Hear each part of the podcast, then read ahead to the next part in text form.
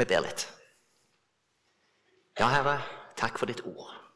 Takk for um, at du har gitt oss Bibelen. Takk for um, alt som står i den boka, Herre, kan vi ta til oss. Herre, nå ser du det vi skal snakke om i kveld. Du ser Estras bok, her, og jeg ber om at du uh, åpner ordet ditt for oss. Jeg ber om at du uh,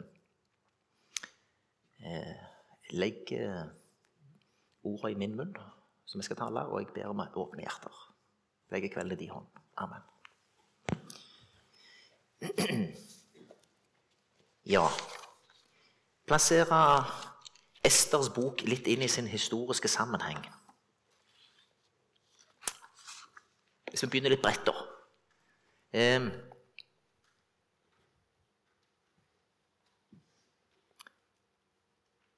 vi har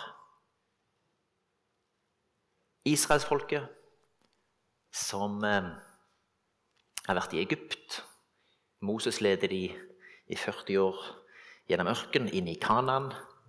Så er det 200 år der med dommere, ikke konger. Men så vil de ha konge. Så får de Saul. Saul viser seg eh, ikke å følge Herrens vei så godt som eh, noen håpte. Det salves en ny konge. Det er David. Vi får David, som er en veldig på mange måter ydmyk konge. Han har sine feil, men han søker Herren, og han søker også om tilgivelse og er sann og ærlig om sine feil.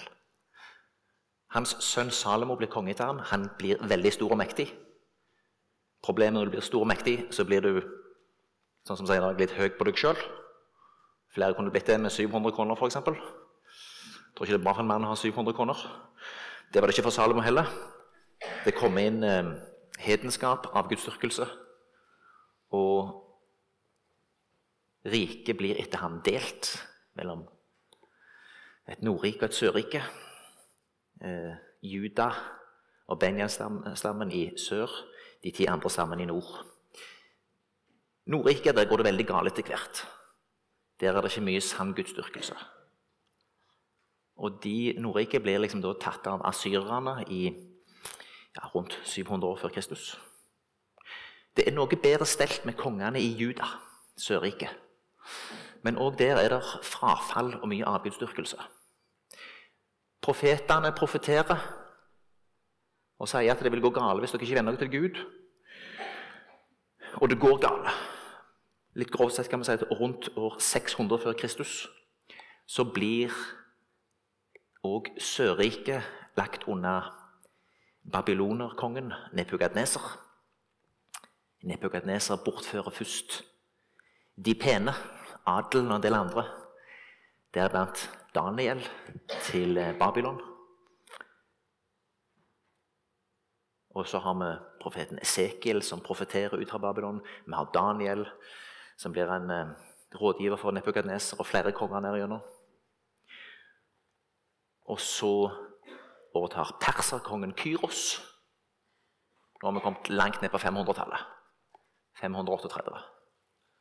Og så får noen reise tilbake til Jerusalem. 50 000 mann. De reiser eh, tilbake litt eh, seint på 500-tallet. Men det er fremdeles mange som er igjen. Det er mange flere som er igjen i Babylon og Perserriket enn de som reiste. Det er 50 000 som reiser. Det er mange hundre tusen som er tilbake. Så det er altså en svær jødisk eh, koloni spredt utover i Perserriket. Nå har vi kommet til eh, 470 før Kristus. Nå er det en perserkonge som styrer. Han heter Serkses den første. Og historien rundt Esters bok er relativt godt dokumentert. Eh, hennes slektning Mordekai endte opp med å få en høy stilling etter hvert i eh, Perserriket. Og nå er det ikke lenger Babylon som er hovedstaden. Det er Susa, en by i, som ligger nå i Iran, eller som lå da i, i, det som nå er Iran. Mens Babylon, det lå i Irak. Irak, det var babylonerne, kaldeerne. Iran, det var perserne. Denne Serkses han eh, styrer over et imperium som går fra India til Etiopia. Dette er ingen liten konge. Dette er en, dette er en stor konge som har mye makt. Og Jødene de finnes nå i ulike provinser. De finnes i gamle Babylon, de finnes også i byen Susa. Og eh, denne kong Serkses, da, han eh, holder et svært gjestebud for lederne i eh, dette svære riket sitt. Det er kjemperike. Så når du har reist dit, så bør du ha en, og kongen vil gjerne vise fram sin makt, så bør du ha en skikkelig fest. Han manifesterer veldig sin makt. Denne festen varer i 180 dager. Dette er et skikkelig party. Eh, det er flere interessante elementer her. Hvis vi leser i Esters bok kapittel 1, så står det Det de drakk, ble skjenket i gullbegre, og alle begrene var forskjellige. Det var mengder av kongelig vin, slik det sømmer seg hos en konge. Men det var fast regel at ingen skulle nødes til å drikke. Kongen hadde befalt alle sine øverste tjenere at enhver skulle få så mye han ville ha. Wow! Dette er skikkelig party. På den ene sida de skal få alt de vil ha, men så skulle heller ingen pushes til å drikke. Var interessant. Interessante detaljer som er med. Ehm, den sjuende dagen, da kong Serkses var i godlager av vinen, kalte han til seg de sju hoffmennene sine. Han bød dem føre dronning Vashti framfor kongen med sin kongelige krone på hodet. Han ville la folk og stormenn se hennes skjønnhet, for hun var meget vakker. Høres dette troverdig ut? Ah, kom her, nå! Vis fram dronninga mi! Han er litt høy. Han er skikkelig konge. Han vil gjerne vise fram den vakre dronninga si. Dronning Vashti. Dronning Vashti syns ikke noe om dette.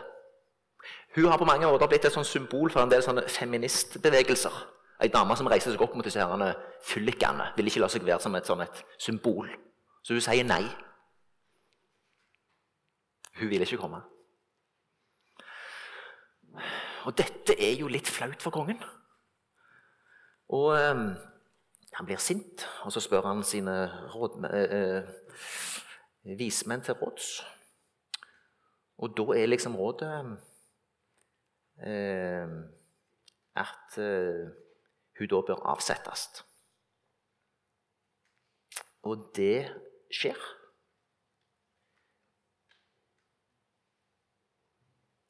Kongen vil gi hennes dronningverdighet til en annen kvinne som er bedre enn henne. Ja, Slik blir det. Og dette blir kjent i hele, hele riket til kong Serkses. Dette var liksom en uh, stor skam. Men kongen uh, savner Vashti. Han uh, begynner å bli litt ensom, og jeg tror disse rådgiverne begynner å bli litt engstelige nå for at oi, dette kan falle tilbake på oss. Plutselig er hun tilbake igjen, og da er det ute med oss, altså. Så, de kommer med et kjemperåd. Lys ut en konkurranse i landet her nå, i denne store landet som du styrer over. Og så gjør det sånn at eh, du da eh, eh, får mange vakre kvinner, vakre, smarte, kloke, fine, til å komme her, og så kan du velge deg en ny dronning. Ja, sånn blir det.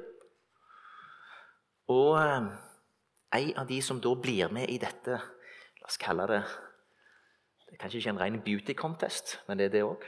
Det er da ei jødisk jente som heter Ester. Hun eh, er barnløs, som eh, Som Martha sa. Nei, hun er foreldreløs, som Martha sa. Hun bor hos en slektning, Mordekai, som tar seg av henne.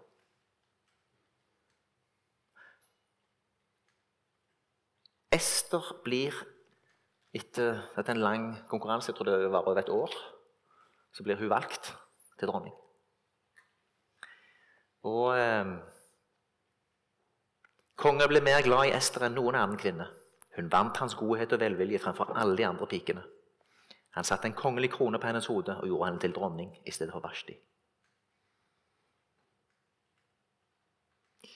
Men Ester hadde ikke sagt noe til noen om at hun var jøde. Eh, jødene var for så vidt vel ansett. De var mange plasser rådgivere eh, for de ledende embetsmenn. De var kloke folk. Daniel hadde jo eh, vært en rådgiver.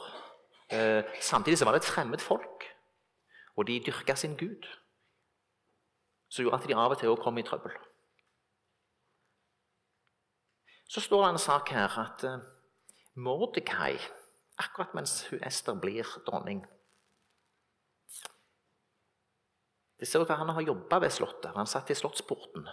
To av hoffmennene ble forbitret på kong Herkses og søkte en anledning til å drepe ham. Mordekai fikk greie på dette og meldte det til dronning Ester, og på hans vegne sa hun det til kongen.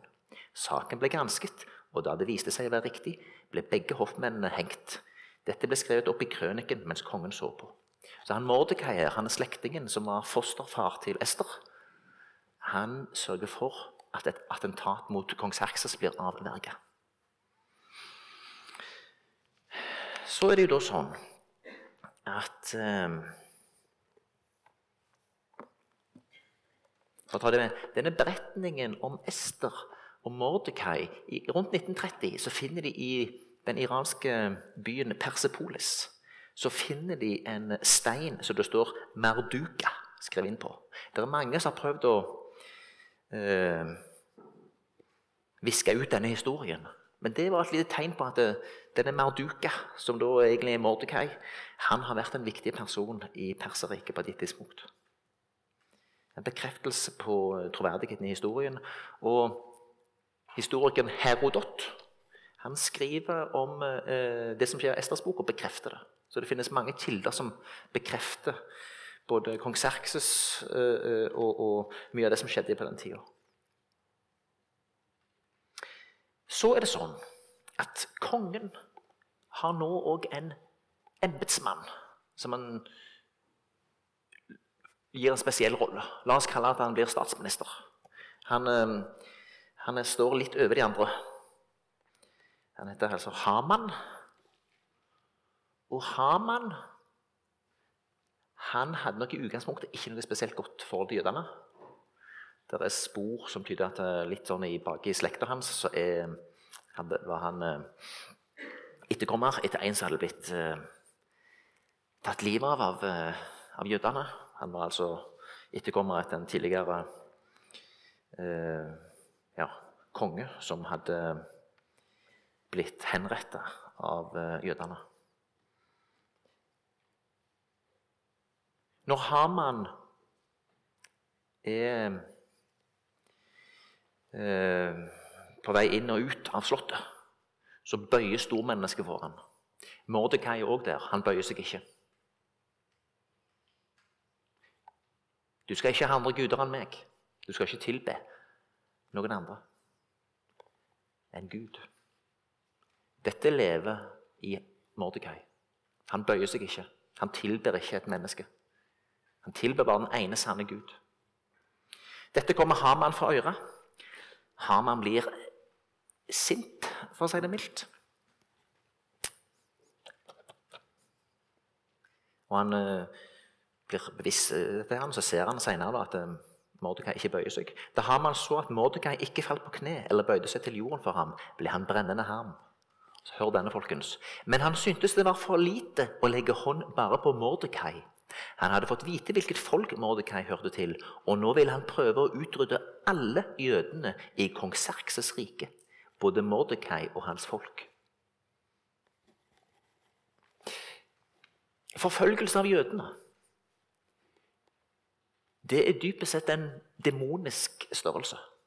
Eh, det er av det onde. Før 1945, Helt fram til på en eller annen gang på 30-tallet. Så er det veldig mange som mener at nå har vi kommet så langt. Vi er blitt så siviliserte.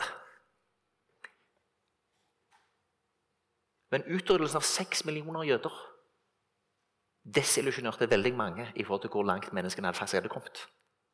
Vi er ikke kommet så langt. Menneskene har i seg en mulighet til det onde.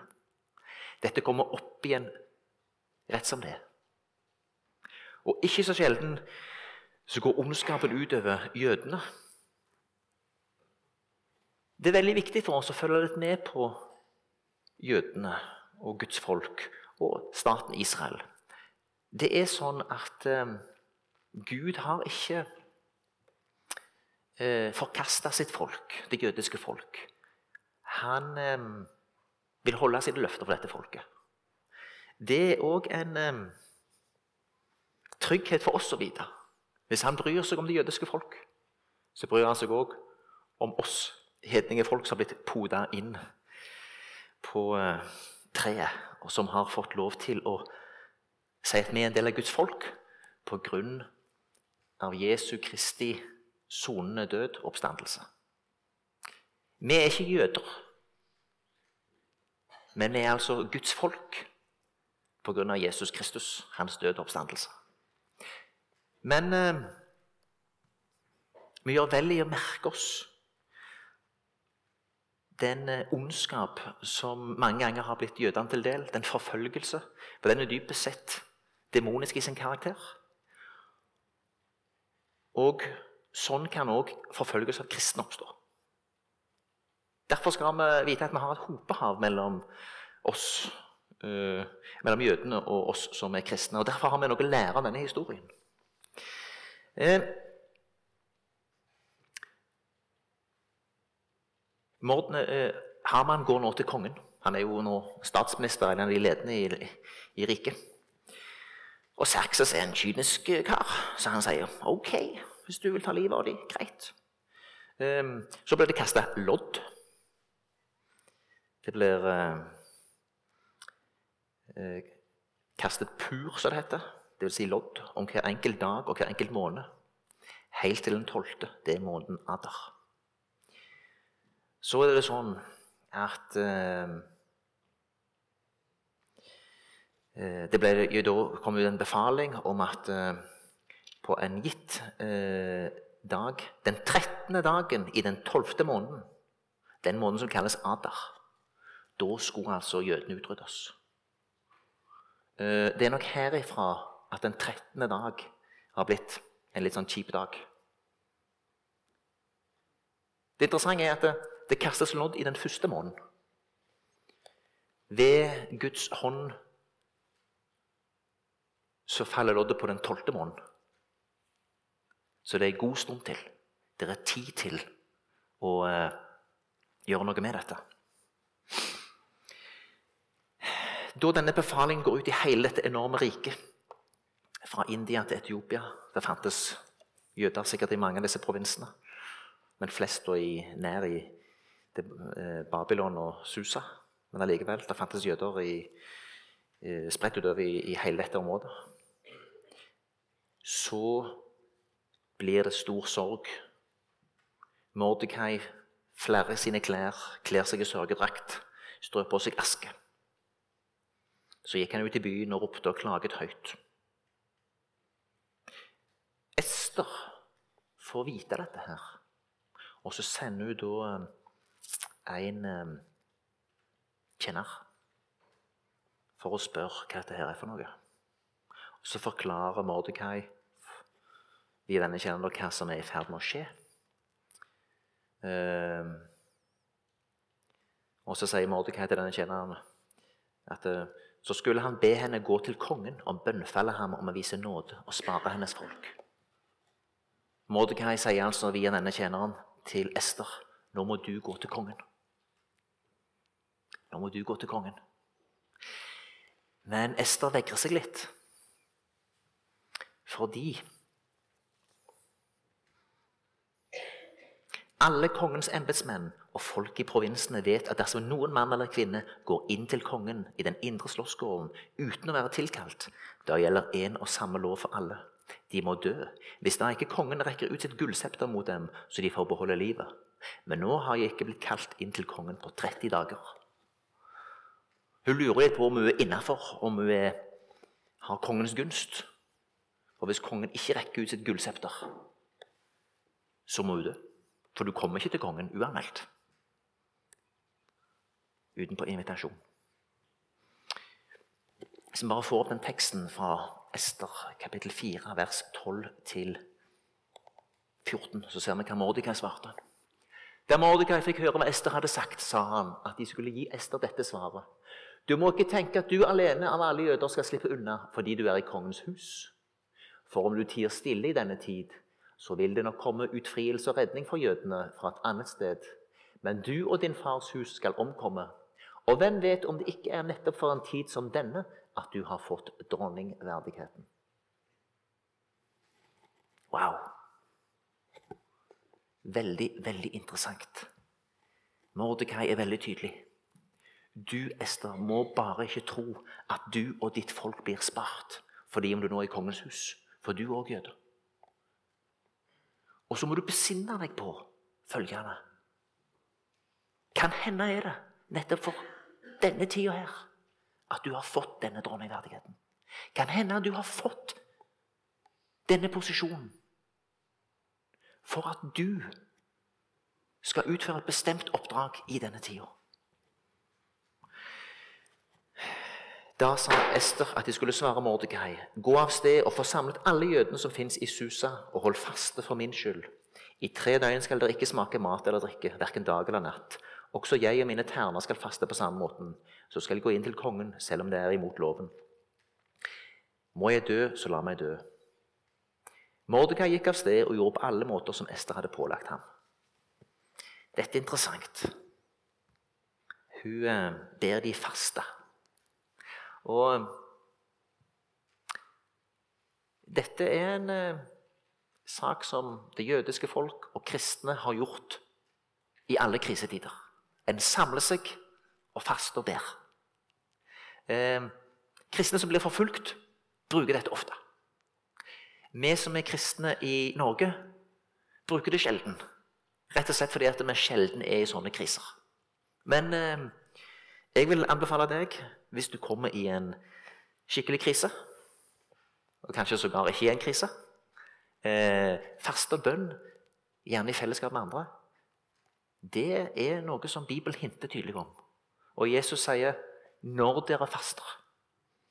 Han, eh, han sier da altså at eh, når dere faster. Det betyr at Jesus så på det som fastes som noe naturlig. Vi kan jo ende opp i det der men hei, hei, hei. Har vi ikke evangeliet?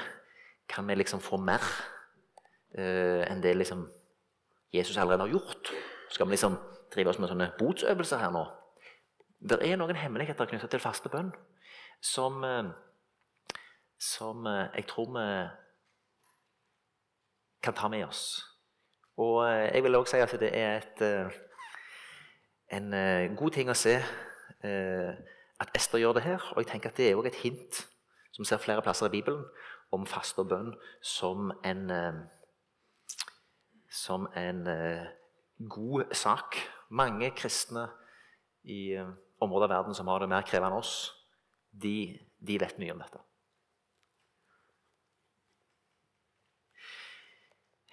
Ja, så er det Ester da igjen. Hun eh, velger å gå til kongshallen. Kongen satt på tronen i hallen rett imot inngang til salen. Da han fikk se dronning Ester, fikk han godvilje for henne. Han rakte gullsepter som han hadde i hånden, ut mot henne. Ester gikk fram og rørte ved enden av septeret. Og kongen spør, 'Hva er det du vil?' Om det så er halve riket, skal du få det. Er det noe du ønsker? Dersom kongen så synes, vil jeg gjerne at du, herre konge, og Haman i dag skal komme i det gjestebudet jeg har stelt for deg. Kongen sier, 'Skynd dere og hent Haman, så Ester kan få sitt ønske oppfylt.' Ja, så kommer kongen og Haman til selskapet som hun har stelt i stand. Og så gjentar han dette. Er det noe du ønsker, skal du få det. Om du så halve riket, skal du få oppfylt i bønn. Og så svarer hun at 'jeg ønsker at du skal komme i et selskap til i morgen'. Jo, men det var gode greier. Hun og Haman skal komme i selskap. Den påfølgende natta så får ikke kongen sove. Han får ikke ro. Han begynner å tenke på denne Mordekai. Og så kommer han til at han har jo altså ikke eh, gitt ham noen påskjønnelse for dette at han eh, var så eh, omsorgsfull at han avslørte dette her attentatet og fikk gitt beskjed til eh, kongen. Så nå lurer han på hva han skal gjøre med det. Um, Haman er nå i ferd med å legge et skikkelig plott for å tatt livet av Mordekai. Han er skikkelig hissig på han. Han vil bare ta for tatt livet av han. og Noen anbefaler han å lage en svær galge og få hengt denne Mordekaien så fort som mulig.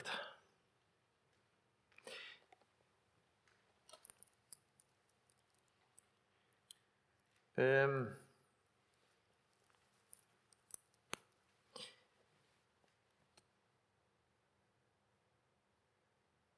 Haman kommer så til kongen.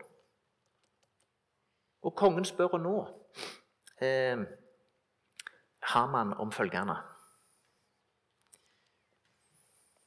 Hva skal han gjøre med en mann som kongen gjerne vil hedre? Wow, Haman er temmelig sikker på at det gjelder han. Kongen vil hedre meg. Han sa til kongen er det mange som kongen vil hedre, så la ham hente en kongelig drakt som kongen selv har båret, og en hest som kongen selv har ridd på, og som har kongelig hodepryd. Gi både drakten og hesten til en av kongens fremste adelsmenn. Han skal ta drakten på den mannen som kongen gjerne vil hedre. Så skal han la ham ri på hesten over bytorget og rope ut foran ham. Slik gjør han med en mann som kongen vil hedre. Da sa kongen til Haman, skynd deg, ta drakten og hesten som du har sagt, og gjør dette med jøden Mordekai som sitter i slottsporten. Glem ikke noe av det du har sagt. Wow! This is a game changer. Det som skjer her nå, er så ydmykende for Haman, og han forstår at han er i alvorlig trøbbel.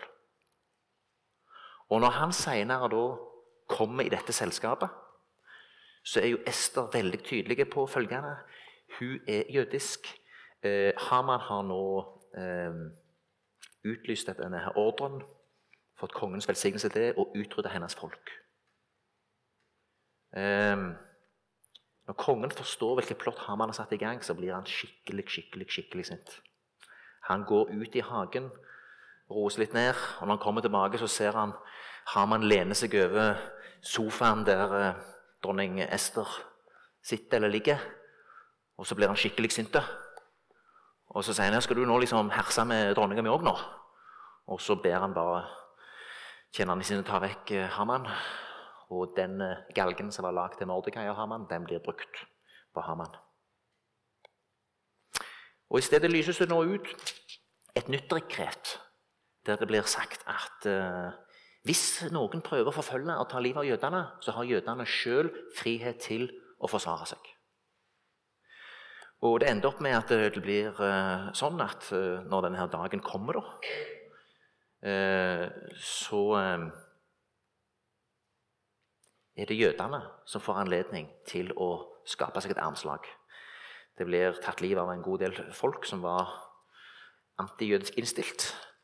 Og Seinere blir denne Purim-festen innstifta som en fest til minne om eh, det som her skjedde.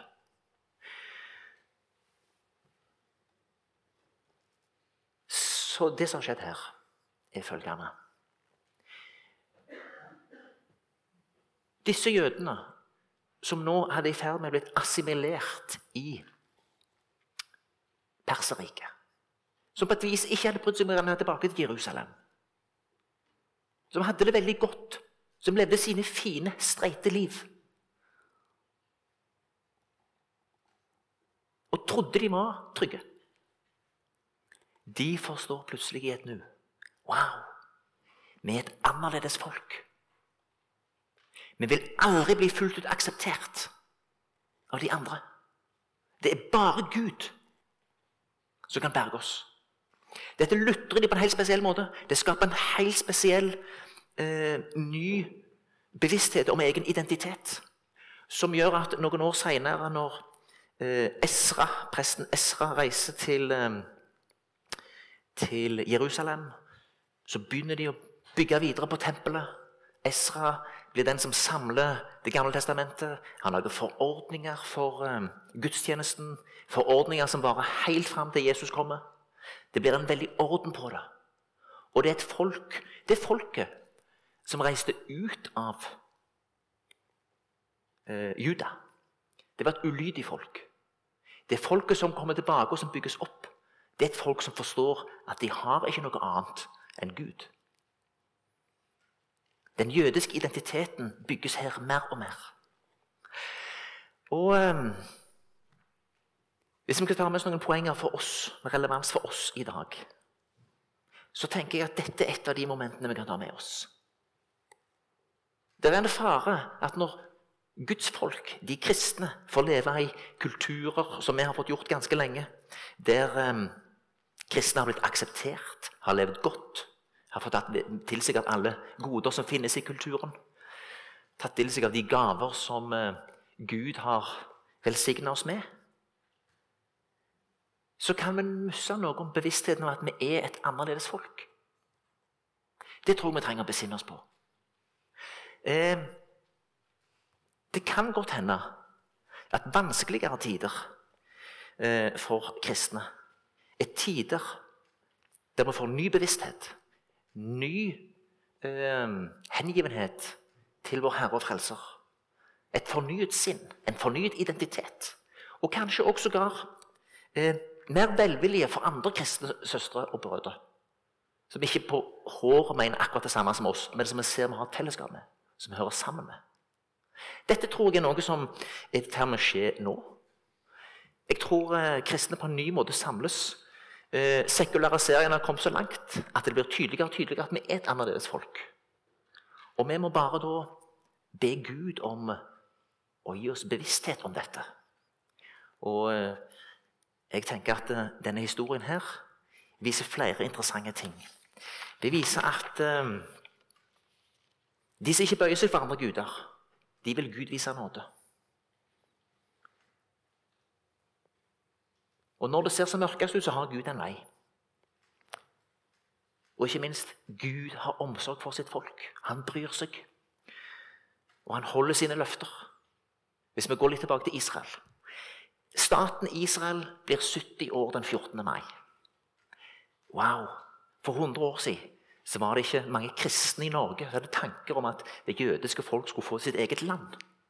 Gud holder på, som han gjorde på Nebukadnesers tid, så holder han på å forme historien. Vi tenker av det at det sekulære og det verslige ligger utenfor. Og så har vi liksom midt inne der så har vi oss kristne. Nei, nei, nei. Gud holder på å utfordre en svær plan. Gud styrer nasjonene. Gud har kontroll. Hvis Gud styrte Nebukadneser til å bortføre Israels eller jødene i rundt 600 før Kristus, så har Gud anledning til å styre i dag òg. Og det gjør han.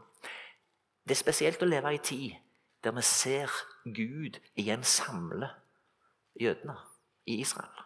Nå er den staten 70 år. Eh, jødene blir fremdeles forfulgt. Nå skjer det på nye, litt rare måter. Litt sånn eh, Bare ta et eksempel. Eh, det er veldig sterke krefter i sving nå. Blant annet har SV nettopp vedtatt på sitt landsmøte at eh, dette med omskjæring av guttebarn det skal bli forbudt. Men i 3800 år så har det å være jøde, Guds pakt med Abraham, det var omskjærelsen på den åttende dag. Det er det som er å være jøde. Det er identitet. Nå er det mange i vestlige land som av eh, hva skal jeg si, humane grunner for små guttebarn ikke vil at dette skal skje. Og så slår de det sammen med omskjærelse av eh, jenter, som jo er kjønnslemlestelse. Eh, men det har jo vist seg at det å bli omskåren på den åttende dag det er en gunstig tid for å bli omskåren. Det viser seg at det, det blir ikke komplikasjoner av dette. Det skjer, blir kanskje komplikasjoner hvis du gjør det når du er eldre. Poenget er dette er noe som Gud har innstifta. Det er en identitetsbærer for jødene. Det er det å være jøde. Og dette bryr veldig mange seg ikke om i dag. Et eksempel på hvordan, hvordan det er vanskelig å være jøde etter hvert. Og som gjør at vi trenger sitt eget land. Jeg vil ta opp igjen det som vi leste om Ester i kapittel eh, fire, der Mordekai sier til henne Du må ikke tro at du er den eneste av alle jøder som slipper unna fordi du er i kongens slott. For om du tier stille i en tid som denne, får nok jødene hjelp og redning fra en annen kant. Men du og din slekt vil gå til grunne. Og hvem vet om det ikke er nettopp med tanke på en tid som denne at du har fått dronningverdigheten. Dette er noe vi skal ta med oss. Gud kaller oss av og til til paradoksale ting. Og så tror vi må bare vite det at av og til kan vi ha sagt nei til denne stemmen, denne ledelsen. Men jeg vil anbefale deg øv deg i å lytte til Guds stemme. Øv deg i å lye disse små signalene. For det er sånn at Gud er ikke avhengig av deg. Hvis du er ulydig, så kan Gud velge noen andre. Gud utfolder sin plan. Gud har holdt på med å utfolde sin plan i tusenvis av år. Men han inviterer oss med. Og eh, da er det litt sånn Guds plan vil bli fullført uten deg. Men han inviterer deg med. Og jeg vil eh, derfor da si at uh, dette som Mordekai sier til Ester, det gjelder også oss i dag. Ja, det går an å si nei. Uh, jeg har sagt nei noen ganger. Sånn nei, men, eller ja vel, eller ja, men, eller gått en litt annen vei.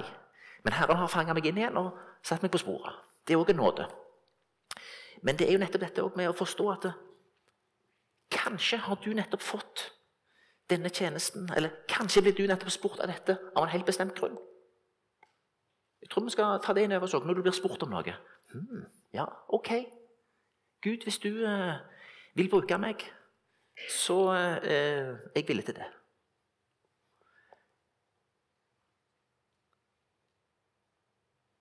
Gud så at folket var i ferd med å glemme sitt opphav, glemme Gud. De fikk en sterk bekreftelse på at uh, Gud er med dem. Det var en lutring av dette folket. Og han har holdt sin hånd over dem til denne dag. Gud handler om oss individuelt og eh, i fellesskap. La oss bare ha tillit til at uh, Guds veier er de beste. Hans vilje er den beste. Det var det for Ester. Det var krevende og tøffe tid. Det, det, ting hun gikk inn i. Men Gud velsigna henne. Og la oss òg ha tillit til det. Eh, vi er på laget med den sterkeste. Jeg vil bare lese et vers fra 1. Johannes før vi avslutter. Hvem andre seirer over verden enn den som tror at Jesus er Guds sønn? Han er den som kommer med vann og med blod. Jesus Kristus, ikke bare med vannet, men med vannet og blodet. Og Ånden selv er vitne, fordi Ånden er sannheten. For det er tre som vitner, Ånden og vannet og blodet, og disse tre samstemmer. Vi godtar jo vitnesbyrd fra mennesker, men Guds vitnesbyrd er sterkere. For dette er Guds vitnesbyrd. Han har vitnet om sin sønn. Den som tror på Guds sønn, har vitnesbyrdet i seg. Men den som ikke tror Gud, har gjort ham til en løgner fordi han ikke har trodd Guds eget vitnesbyrd om sin sønn. Og dette er vitnesbyrdet. Gud har gitt oss evig liv, og dette liv er i Hans sønn. Den som har Sønnen, eier livet, men den som ikke har Guds sønn, eier ikke livet. Vi ber. Herre, takk for at du har vist oss en vei til deg. Herre, takk for frelse. Takk for forsoning ved ditt blod, ved Golgata. Herre, takk for at du eh, sendte Den hellige ånd til oss. Takk for at du er her midt iblant oss. Takk for at du vil åpenbare litt for oss. Takk for at du vil lede den enkelte. Takk for at du vil lede oss som et kollektiv, som et fellesskap her i Salem. Og at du vil lede den enkelte av oss gjennom livet. Hjelp oss å ha tillit til dette. Amen.